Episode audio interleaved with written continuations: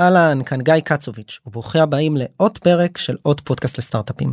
בפרק של השבוע היה לי הכבוד לראיין את דניאלה גלבוע, מייסדת שותפה ומנכ"לית הסטארט-אפ AIVF. זה רעיון קצת שונה מהרעיונות האחרים כי הוא נכנס לתחום של הפריה חוץ גופית ובעצם דיברנו איתה על החברה שלה שמפתחת טכנולוגיה ומנוע AI שנועד לאפשר למכונים ומעבדות המסייעות להפריה חוץ גופית כן כן הסיפור הזה שבו לוקחים ביצית וזרע ומפרים אותם במבחנה ואז מחזירים אותם חזרה לתוך הרחם של האישה כדי לייצר הוריון מוצלח. חברה של דניאלה בעצם משתמשת בטכנולוגיה כדי לדעת איזה מהעוברים שיצרנו בתוך המבחנה יש את הסיכוי הכי גבוה שהוא ייקלט בסופו של דבר ברחם האישה. אז דיברנו כמובן על הטכנולוגיה ועל השוק הרפואי ועל איך עוברים מעולם האקדמיה להקמה של סטארט-אפ אבל גם דיברנו על העולם המטורף הזה של הפריות חוץ גופיות כמה הוא הולך וצובר תאוצה. למשל ידעתם שיותר מחמישה אחוז מהעוברים מהתינוקות שנולדים בישראל כיום נוצרו בהפריה חוץ גופית אז יש לנו עוד נתונים מגניבים כאלה בפרק כל זה ועוד שתהיה לכם האזנה נעימה. עוד פודקאסט? עוד פודקאסט. עוד פודקאסט לסטארט-אפים.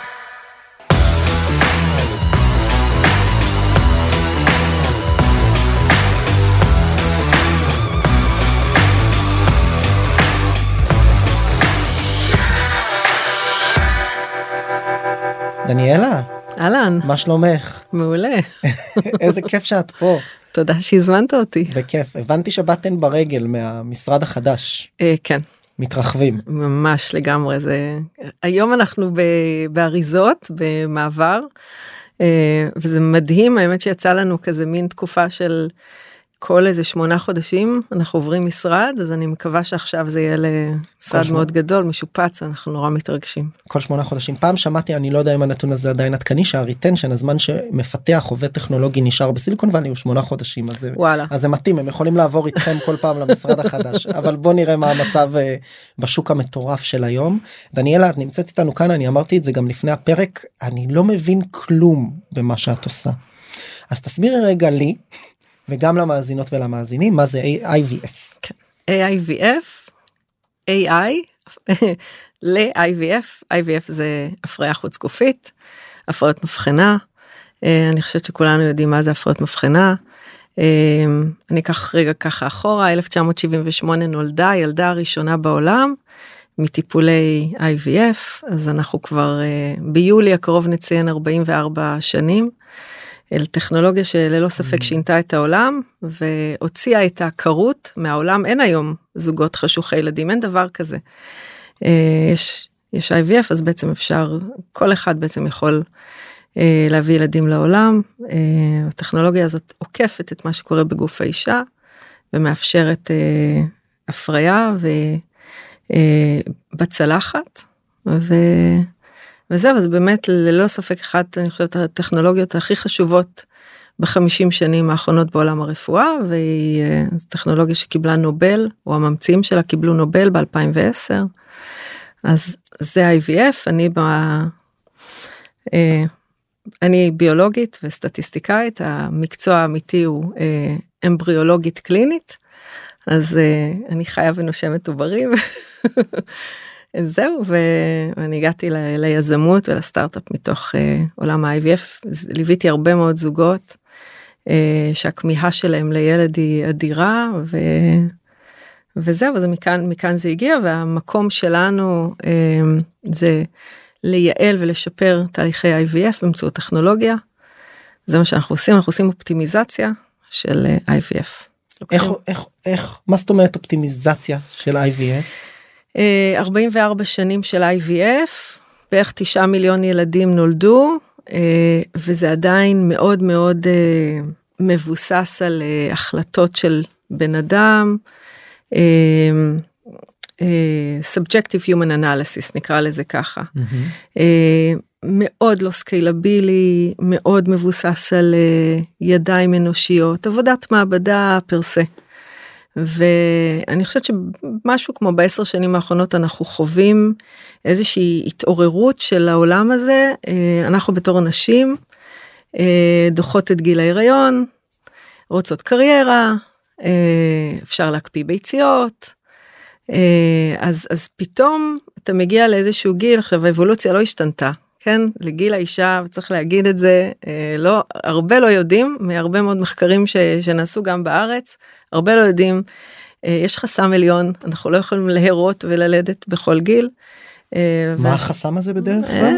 מעל גיל 40 זה כבר נעשה יותר ויותר קשה שהחסם כאילו מדברים עליו בתור גיל 45 אבל באמת רואים אה, ירידה בהצלחה מעל גיל 40. אה, ואנחנו תחשוב על אה, אישה בת 40 שנראית נפלא ומרגישה נפלא ובשיא הקריירה שלה אבל אבל כבר אה, מבחינת הגוף השחלות היא כבר היא כבר לא כמו בת 20 מהמם. ו- ולכן יש פה איזשהו דיסקריפנס שנוצר אני חושבת ב... וזה אנחנו חווים את זה בעיקר בעשר שנים האחרונות. מה שנקרא יש פה אירוע גם חברתי נכון, תרבותי לגמרי, מודרני לגמרי, מהפכה לגמרי, ומצד שני אין מה לעשות נכון, האבולוציה מתקדמת לגמרי. בקצב שלה לגמרי, ולמזלנו הנה אני משלים לך יש לנו קו מגמה של טכנולוגיה מעולה. שמאפשרת לטפל באירוע. תגיד, אז, אפשר לגייס אותך ל-AVF? בוודאי אז אה, למרות שאני באמת לא מבין בזה שום דבר אז אז אז כאן בכל מה שקשור לטכנולוגיה אני רוצה רגע ותנסי לחשוב עליי שבאמת אני אומר את זה לא בשביל זה אני באמת לא מבין בזה הרבה. מה מה איך הטכנולוגיה נכנסת פה כן, לעניין כן, אני- ופותרת את הסיפור של ההחלטות הסובייקטיביות של אה, איזה גורם מומחה צד שלישי. אז אני אגיד, אז יש דימנט נורא גדול בקרב, כן. זה כבר לא רק טכנולוגיה שנועדה, או IVF, זה לא רק נועד לאנשים שחווים איזושהי אה, בעיית פוריות ספציפית, כמו שהיה בתחילת מה הדרך. שנקרא זה ל- זה לכמעט עכשיו- לכולם מתחיל כן, להיות ברגע- מיינסטרים. כן, אה, כן, אז, אז זה עוד לא, אבל זה יהיה, וזה פתאום, אתה יודע, אני, דוחים את גיל ההיריון, משפחות חדשות, פונדקאות, הקפאת ביציות, זה אומר שהרבה יותר ויותר אנשים יעשו IVF. כן. אז יש לך demand נורא נורא גדול, ואז יש לך supply שהוא תקוע. והסופליי, הסופלייר זה הקליניקות תקועות, הן לא סקילביליות, הן עדיין נורא תלויות בידיים אנושיות, באמבריאולוגים כמוני. יש שזה מעט, מה שעשית קודם לכן. כן, יש מעט כמונו בעולם, אין הרבה, אין הרבה אמבריאולוגים, אנחנו קצת גילדה ולא בא לנו להכניס אה, חדשים ו... ויצרנו לעצמנו כל מיני כאלה חוקים ורגולציה שלא להכניס חדשים ופתאום זה מתפוצץ לנו בפנים. כי הקליניקות יש להם איזשהם, איזשהו חסם עליון והם לא יכולות to scale. אז יש פה בעיה של demand ומול supply תקוע. והדרך היחידה לפתור את הבעיה הזאת זה להכניס טכנולוגיות מה אתה עושה א' אוטומציה להרבה מאוד תהליכים. ושנית אתה מוציא קצת את ה-subjective human analysis הזה ואתה מכניס פנימה טכנולוגיות. בינה מלאכותית שיכולה להסתכל על עובר וכנראה להחליט או לעזור לאמבריאולוג אה, לקבל הרבה מאוד החלטות שהן אקוטיות לתהליך הזה. לגבי התהליך. כן למשל. אז עכשיו אני אכנס איתך רגע לעולם ה-IVF. אז, אה, אז רגע אז לפני זה אז אני רק- דיברתי נורא מלמעלה. אז בואי נשאר רגע בלמעלה קצת על החברה אולי כן. מתי הקמתם כמה גייסתם עובדים מי המייסדים אה, ואז נשים איזה נקודה כמו שרזי ברקאי אומר ונעשה דאבל קליק. אוקיי, מעולה. אז קמנו ב-2018. המייסדים זה אני ופרופסור דני זיידמן. אה, פרופסור זיידמן הוא אחד מרופאי ה-IVF אני חושבת הכי מבוקשים בארץ.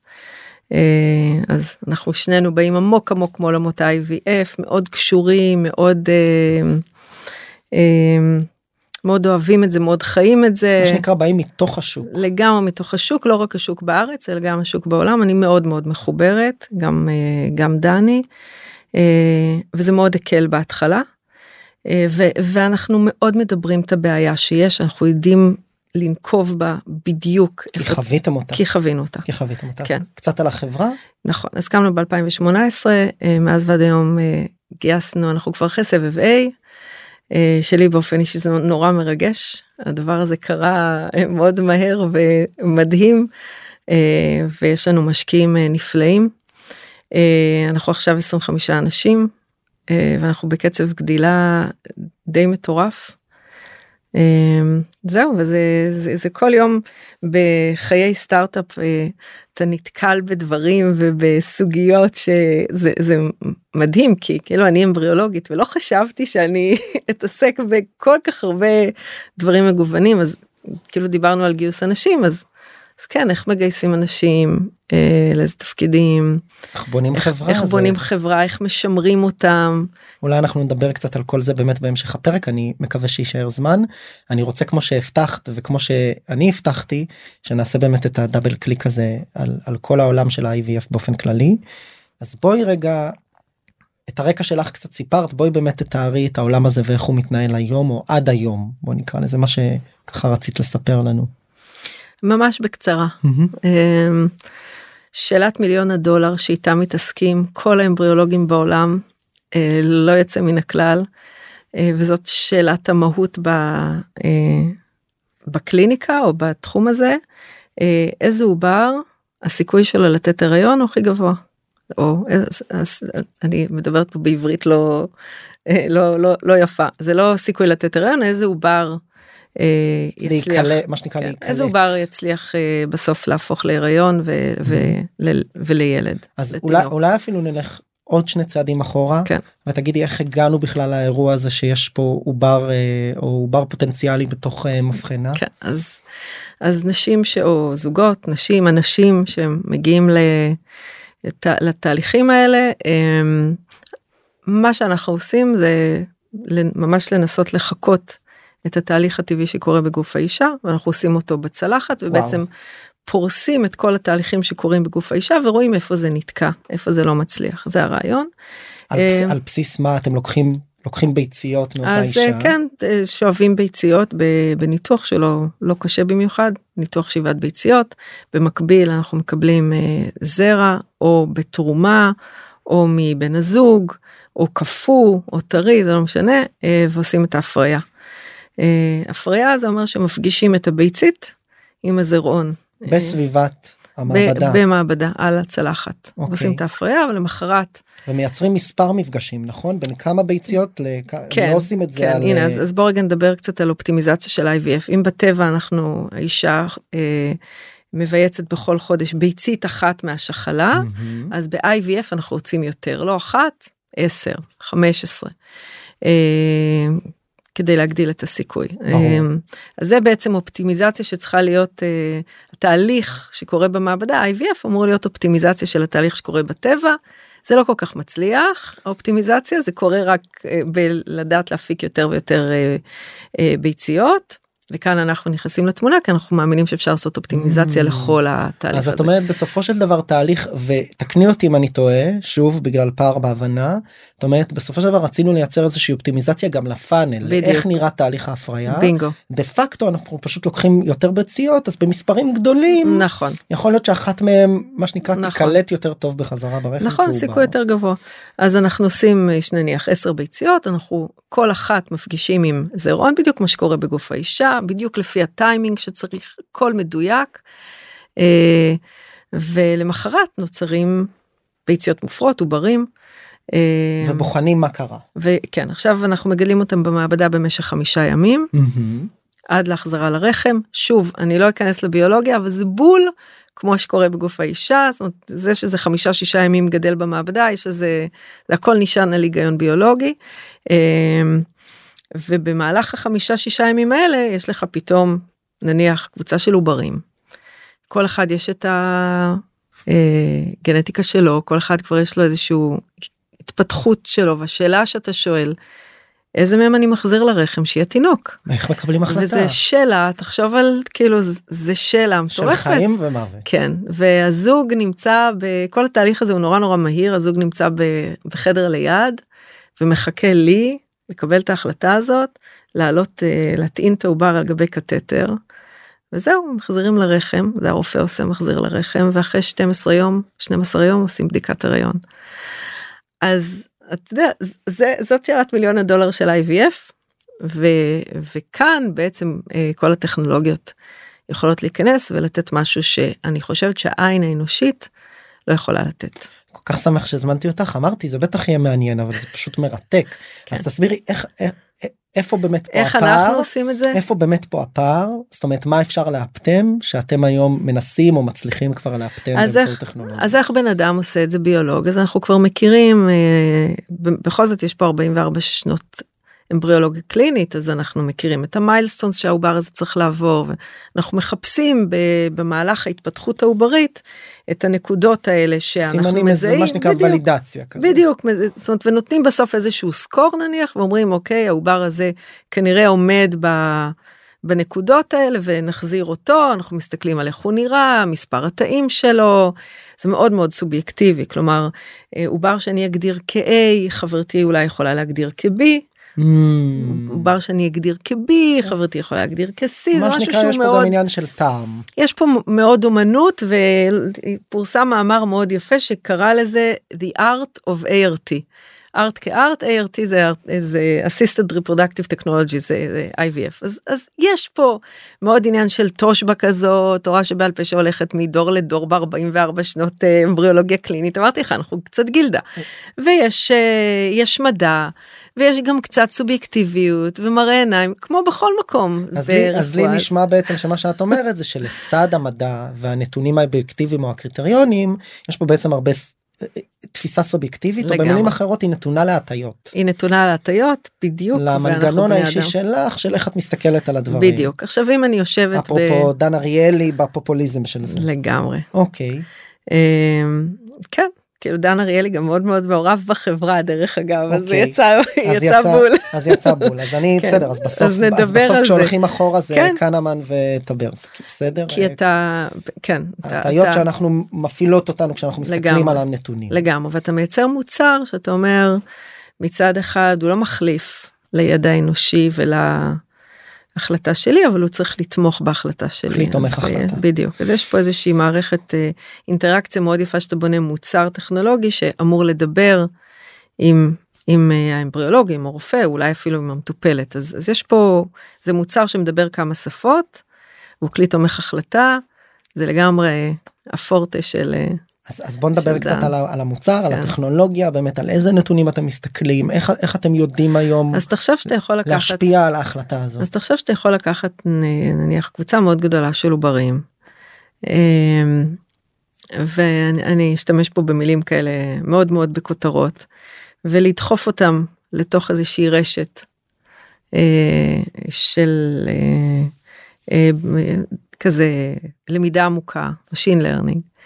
ולכל קבוצה של עוברים יש לך את ה... מה קרה להם אם נולד או לא נולד.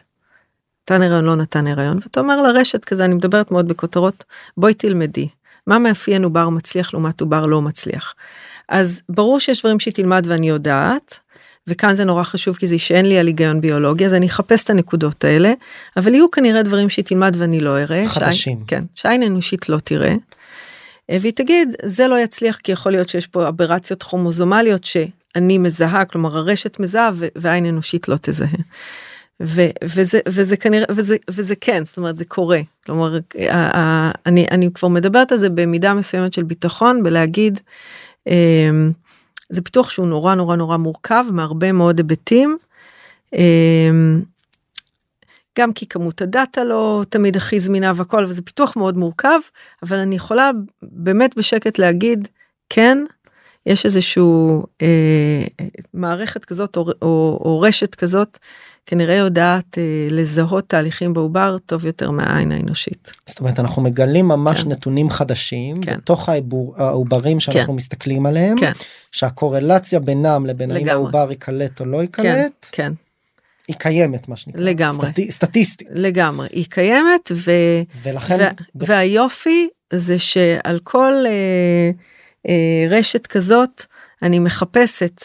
זאת אומרת אני, אני, אני זה קצת סוג של explainable AI פה שהוא הוא חיוני ברפואה אה, כדי לעשות מין סניטי צ'ק כזה על מה הרשת הסתכלה.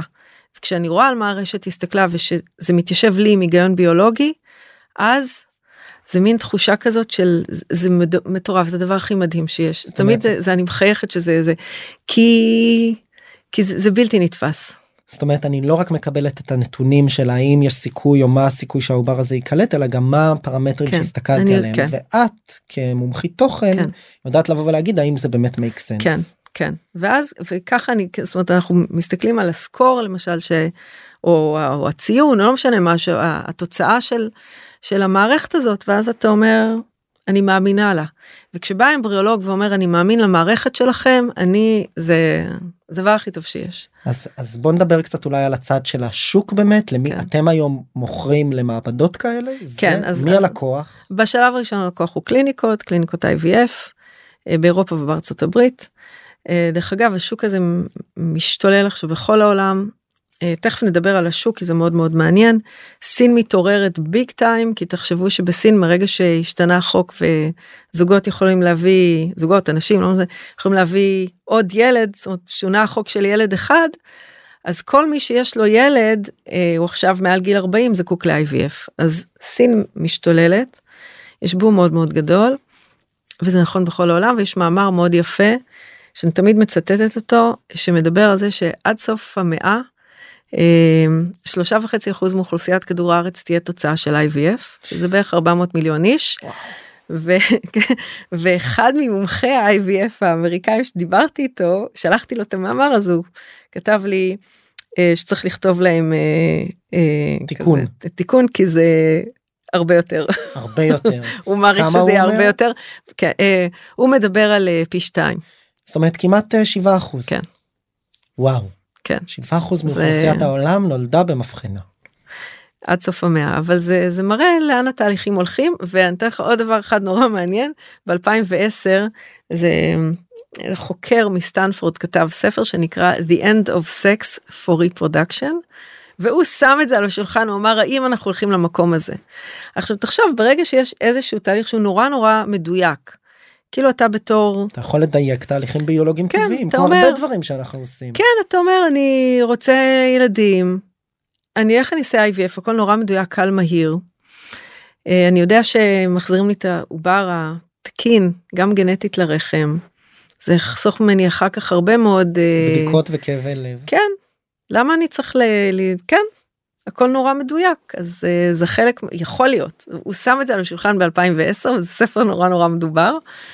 אה, ואני מניחה שככל שייכנסו יותר טכנולוגיות כאלה אז אה, אז כן ויש פה גם שאלה באמת אה, שאלה מאוד מעניינת. תרבותית ואנתרופולוגית אז בוא נדבר כן. באמת קצת על השוק אמרת תגידי על זה כמה מילים כן אז אנחנו בישראל אה, ממש אין לזה אח ורע בעולם. אה, הסבסוד של זה מדהים. זה, זה- לפחות לזוגות אה, כן. הטרו למה שאני מכיר ועכשיו אה, גם ועכשיו גם ועכשיו ל- גם לפחות כן, לפי הפסיקה כן, גם אם עוד לא כן, בפועל. וכבר יש זוג ראשון שעושה את זה. כן, כן, כן, זה דבר נורא משמח ומרגש. ואני אסתכל רגע על ישראל כמדינה שהיא מאוד, אנחנו IVF nation, לא רק סטארט-אפ אז nation. פה אני רוצה להגיד כי אני מכיר את זה מכמה חברים כמובן הכל עם צנעת הפרט ולא צריך להגיד אבל באמת הטיפולים האלה הם טיפולים לא זולים נכון. הם עולים מאות אלפי שקלים ואפילו גם מאות אלפי דולרים. ומדינת ישראל פה עד לא מזמן עד הפסיקות האחרונות של בג"ץ לפחות לזוגות הטרו עכשיו מהפסיקה של בג"ץ נכון, גם נכון. לזוגות להט"בים נכון. מסבסדת את הטיפולים האלה כמעט במלואם. לג... אין לזה אח ורע כדי בעולם. לעודד טוב אנחנו מדינה בסוף תקשיב. אנחנו מעודדים ילודה. כן, אין לזה אח ורע בעולם, באמת, מבחינת uh, מספר מחזורי הטיפול שאנחנו מסבסדים, וזה מדהים. Um, ובאמת, ה- ה- שיעור הילודה פה של מ-IVF הוא מאוד מאוד גבוה. מאוד גבוה? כן. כמה זה מאוד גבוה? אני חושבת שבסביבות בין 4 ל-5 אחוז. וואו. שזה די אדיר. עכשיו כרגע. כן. אוקיי. אוסטרליה מתקרבת אלינו, מדינות שהן באמת מסבסדות. אמ, מה שקורה בארצות הברית זה בדיוק ההפך, אה, ושם זה טיפולים שהם כמעט בלתי נגישים. מאוד יקר גם. מאוד יקר, מאוד מאוד יקר. אה, בסביבות 20 אלף דולר למחזור טיפול. עכשיו בגלל שזה לא אופטימלי, ובגלל שזה נורא תלוי ב- עושים כמה בנו, וכמה וכמה ובגלל מחזורים. שאנחנו כזה בואי בדרך כלל השיח הוא בואו נתחיל נראה איך זה עובד נראה איך זה זה זה נלמד מפעם לפעם. אז אתה צריך בסביבות הממוצע אומר 100 150 אלף דולר לילד. אז זה בלתי נגיש. זה הופך להיות טיפול של אה, עשירים בלבד. זה באמת בלתי נגיש זה מאוד עצוב. Mm. גם אין הרבה קליניקות. זה כזה זה שוק שבארצות הברית הוא מאוד בעייתי. מצד אחד. מצד שני יש demand אמרנו יש. מ- יש מקומות עבודה הרבה מאוד מקומות עבודה כבר נותנים fertility benefits גוגל פייסבוק פנטגון כל החברות הגדולות. אמזון כולם נותנות fertility benefits כלומר את רוצה לעשות ילדים יותר מאוחר נ- כדי נעזור לך בקריירה? נעזור לך אתה עובד גוגל אל תדאג נעזור לך את רוצה להקפיא ביציות נעזור לך נעזור לך. אה, לא מזמן פורסם על מישהי שהלכה פרסמה את זה בפוסט שהלכה לעבוד בסטארבקס עבור ה fertility benefits. וואו. זה, זה נורא עצוב אתה הולך לעבוד בסטארבקס כדי שמישהו יממן לך את טיפולי פוריות זה נורא עצוב האמת אז ואתם מסתכלים על, על כל התופעה אז- הזו ובאים ואומרים מה אתם תעזרו לעשות דמוקרטיזציה של האירוע בדיוק. הזה להנגיש אותו. אתה לעוד- חייב. אתה חייב יש פה אני אפילו מסתכלת על זה ממקום שלא רק חברת סטארט-אפ אלא יש איזושהי מין מחויבות שלנו בתור אה, קהילה אה, להנגיש את הטיפולים האלה אחרי 44 שנים של IVF זה צריך להיות נגיש לכולם. כן אני הולך לשאול שאלה קצת מעצבנת באיפכא של זה זה כמעט פילוסופי בסוף בטבע הפלו הזה של הקושי להוליד יש פה שאלה נכון יש לג... פה כי בסוף גם לגמרי. יותר מדי אנשים בעולם נכון. לא יודע אם זה טוב נכון אנחנו לא תמיד עושים טוב נכון. לסביבה שלנו נכון אז מה זה שאלה שעולה ברמה המוסרית אה, לא כי זה אתה יודע כי IVF הפך להיות משהו נורא רוטיני יש איזה נקודה בתוך התהליך הזה שהיא תמיד מעוררת בי מחשבה שאני יושבת אה, ואני עושה את ההפריה אז אתה, יש ביצית ויש זרעון ואתה אומר זה הרגע שבו זה, זה מין רגע בריאה כזה כן. ואז עולות כל מיני שאלות פילוסופיות שתמיד נשתקות כי אתה זה, זה הופך לרוטיני זה אז רגע- אתה לא זה מהלך אה, כמעט כן. אה, את יודעת בעול- בעולם הרוחני דתי זה זה מה שאלוהים עשה כן. אבל אנחנו כבר לא שם. כבר אנחנו אחרי זה הטכנולוגיה כן, אפשרית זה טכנולוגיה אנחנו- כן אתה יודע אנשים היום עושים IVF כבר עושים IVF כבר יש בחירה של אה, בדיקת אה, של מחלות גנטיות לפני השרשה.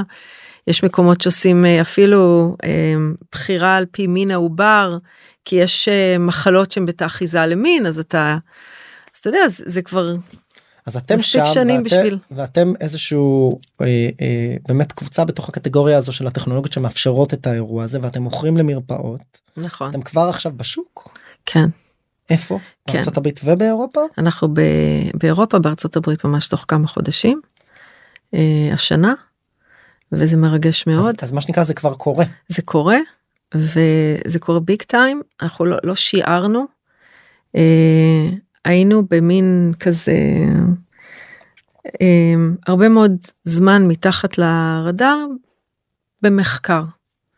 עסקנו במחקר מחקר אלגוריתמי עמוק אה, ויצאנו לאוויר העולם עם מוצר באמת מדהים ואני הכי אובייקטיבית שיש.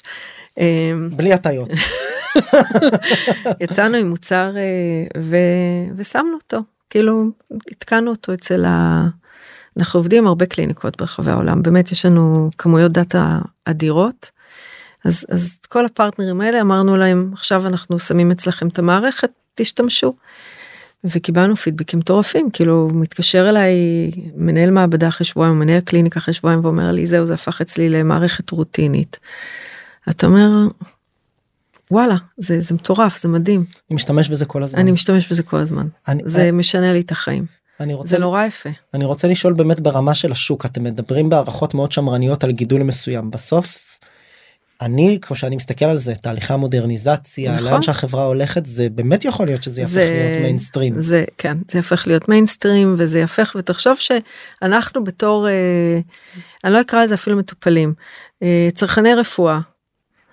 אתה, יש לך היום בתור צרכן רפואה אתה יכול לבחור זה הרי זה טיפול אלקטיבי נניח אז אתה יכול לבחור לאן אתה הולך אז ברור שתבחר למקום שהוא אה, הכי טכנולוגי והכי מדויק ושיש לך מערכת שאתה יכול לראות את הכל בטלפון ושהכל נחשף לך וש... זה כיף. אז כן אז, אז אנחנו בתור צרכנים דוחפים את זה לא פחות מה... אה, קליניקה IVF זה עולם מאוד מאוד מעניין ללמוד אותו.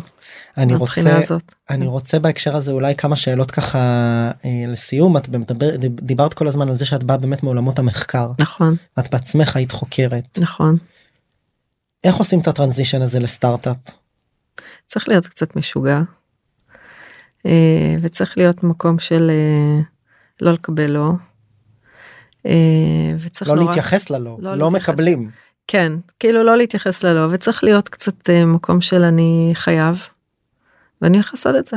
מה מה עד מתי הבנת בכלל זאת אומרת איך יש בכלל לי, היה לי איך בעירה- מתגלגלים ממחוזות המחקר ל, ל, להקים חברה ול, אז, אז, אה, ולגייס סבבי ולמכור מוצר אה, באירופה ובארצות הברית זה לא מעבר טריוויאלי. אה, לא, בכלל לא, זה אירוע. אה, עשיתי דוקטורט, הייתי בתוך אה, מחקר, ויום בהיר אחד, אה, המנחה שלי יוצאת מחדרה והיא כזאת אדם כזה מלא אנרגיות וכזה זורקת לי לחלל האוויר, את יודעת, נראה לי זה נורא מעניין מה שאת עושה. אה, אז זה צריך להיות סטארט-אפ, את צריכה מימון של סטארט-אפ, את צריכה אנשים של סטארט-אפ, את צריכה אווירה של סטארט-אפ, בואי, כאילו. אבל מה זה מה שעשית אותו אמרה לי. דבר המחקר הזה. אה, כן, הסתכלנו על, אה, ישבנו וניסינו לייצר data set מאוד מאוד חדש ומעניין, שבו אתה מחבר את כל הנתונים של האימא עם העוברים שלה והילד שנולד ומנסה לזהות תהליכים, אתה יכול לעשות איזשהו פרדיקציה על תהליכים, זה כזה. היא ככה זורקת לך ביציאה זורקת מהחדר. לי, כן, את יודעת, את צריכה פה מימון ואת צריכה אנשים, צריכה vibe של סטארט-אפ. והיא אמרה לי גם, זה יהיה מחקר מאוד מעניין, עוד חמש שנים תסיימי דוקטורט, ארבע שנים תסיימי דוקטורט, כנראה מישהו כבר יעשה את זה לפנייך, אתה יודע, בחברה טכנולוגית. אמרתי לה, אוקיי, רגע, מה, מה זאת אומרת? מה, היא אמרה לי, קחי כמה ימים, תחשבי, ואז נחליט אם אנחנו ממשיכים את זה לדוקטורט או שסטארט-אפ, ככה היא אמרה לי. ואז הייתי, הייתי בהלם, כי לא הבנתי, באמת לא הבנתי מה זה. אז התקשרתי לחבר שהוא סטארטאפיסט ורופא, יש לו סטארט-אפ כבר בשנים, מאוד מצליח, שאלתי אותו, תגיד, מה, מה, מה אני עושה מחר בבוקר? ואז אמר לי, תתחילי לדבר עם אנשים, ככה, קחי חודש, דברי עם אנשים, אחד יכיר לך את השני, אנשים מהתחום, אנשי מוצר, משקיעים, יזמים, דברי. ובאמת זה מה שעשיתי, כאילו היה לי חודש שקפצתי מבית קפה לבית קפה ופשוט ישבתי והאזנתי, בסוף החודש הבנתי כמה שאני לא מבינה כלום, אני לא יודעת כלום. כי אתה יודע, אז זורקים לך bits and pieces כאלה, ואתה לא מחבר את זה לאיזשהו סיפור, סיפור אחד. עד שמצאתי איזה מנטור שסלל את הדרך, אמר עכשיו עושים ככה, עכשיו אז עושים מה ככה. עושים עכשיו ואז פתאום, יזמות ואז פתאום אחד קמה חברה. עכשיו כן. אתה יודע זה תהליך שאתה רושם את החברה. אה, אני ופרופסור זיידמן וזה כזה וואלה כאילו יש פה אירוע.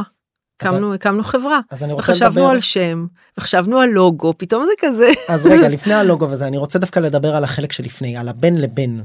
מה מה תהליך הלמידה או היציאה החוצה ממרחב הנוחות הזה שעשית שגרם לך בסוף להחליט נקים חברה נשים לוגו נוציא את זה לסטארט-אפ לא נמשיך את הדוקטורט. כי החשיבה הייתה ההבנה הייתה שזה אפילו היה קצת יותר קל כי זה היה לי ברור שיש פה מחקר נורא נורא קשה וארוך ואז אמרתי אוקיי אם אני באמת אצליח להביא את זה למסגרת של חברה טכנולוגית אז יהיה לי יותר קל לגייס אנשים. ו... זה היה במסגרת השיחות. זה כן עלה. כן אז חשבתי ביני לבין עצמי כן במקום ללכת לעשות שיתופי פעולה עם החוג לסטטיסטיקה אה, החוג למדעי המחשב להביא את זה וזה אז אז בעצם אני יהיה לי אולי יותר קל לגייס אנשים כי זה זה מחקר נורא גדול. היה לי ברור שזה זאת אומרת אנחנו הולכים לנהל פה מחקר נורא גדול שזה כמו זה, זה כמו לטוס למאדים ומה שעשיתי בדוקטורט זה כאילו לטוס לקריית שמונה Mm, אבל אפשר גם לנסוע. אז אתה אומר אז אני, אני באמת אבנה פה משהו שאתה יודע זה לטוס למאדים המחקר הזה וזה נורא מעניין. אני אז, אלה, אה, ככה אני רוצה רוצה באמת לשאול איך מתחילים הקמתם את החברה הרי בסוף זה לגייס דיברנו על זה גם לפני הפרק לתחום שהוא לא טריוויאלי וללכת למכור מוצר שלא היה למרפאות שכמו נכון. שאת אומרת יש אז עכשיו זה מדהים ועכשיו אני נורא נהנית מהמומנטום יש נוצר מומנטום בשוק מהרבה מאוד סיבות. אבל בהתחלה? נוצר עכשיו מומנטום וזה מדהים. בהתחלה כלום. אני כל הזמן הלכתי בכל הבמות ואני בכנסי IVF ובאיגוד האמריקאי באיגוד האירופאי וזה. הלכתי דיברתי שצריך לעשות טכנולוגיה AI for IVF וגם הסברתי זה. ו- ו- ו- ועוד קבוצות קמו וקבוצות מהאקדמיה ופתאום זה נעשה משהו שהוא אה, שהוא שם. עכשיו יש מומנטום אדיר ו- וקליניקות IVF דופקות אצלנו בדלת אומרות אנחנו לא we need the AI. ומההתחלה זה היה בהתחלה ככה לא ממש לא כאילו אנשים אמרו לי מה לנו יש אמבריאולוגים מעולים לא צריך לא צריך שום דבר אני לא צריך מחשב בכלל תעזבו אותי אני מסתדר ככה רפואה עושים ככה. כן. איך הצלחתם לגייס את הכסף הראשון אה, גייסנו כמות מאוד מאוד יפה מרופאי IVF. היה פה מקום כזה בואו תעשו מה- endorsement כן ל-next generation IVF ככה קראתי לזה. אה, ואז הצטרפו אנג'לים שכולם האמינו נורא ב mission וב vision זה היה נורא mission driven כזה. אה, וזהו עכשיו יש לנו שתי קרנות אדירות נפלאות שאני גאה מאוד מאוד אה, שהם איתנו ועכשיו קטע שבכל רגע בכל שלב זה נעשה יותר ויותר קשה. אז כן אבל בסדר מה שדן אריאלי לימד אותי אה, ואנחנו עושים את זה כל החברה זה לא להסתכל כאילו לאברסט אתה יודע לסוף אלא לחגוג? הצלחות קטנות ומה האברסט? וכל הצלחה אנחנו חוגגים. מה ככה לסיום האברסט מה המיילסטון הבא באמת של החברה או לאן את רואה אותה הולכת בשנה שנתיים שלוש הקרובות? מה אה, להתפוצץ בשוק אתה יודע ל- למכור וש-IVF תהפך להיות ה Intel inside. בטח Intel inside של אה, מעבדות ההפריה החוץ בטח כן דניאלה אני רוצה להגיד לך המון תודה היה לי פרק סופר סופר מעניין שמחה גם לי תודה רבה תודה רבה שבאת. תודה.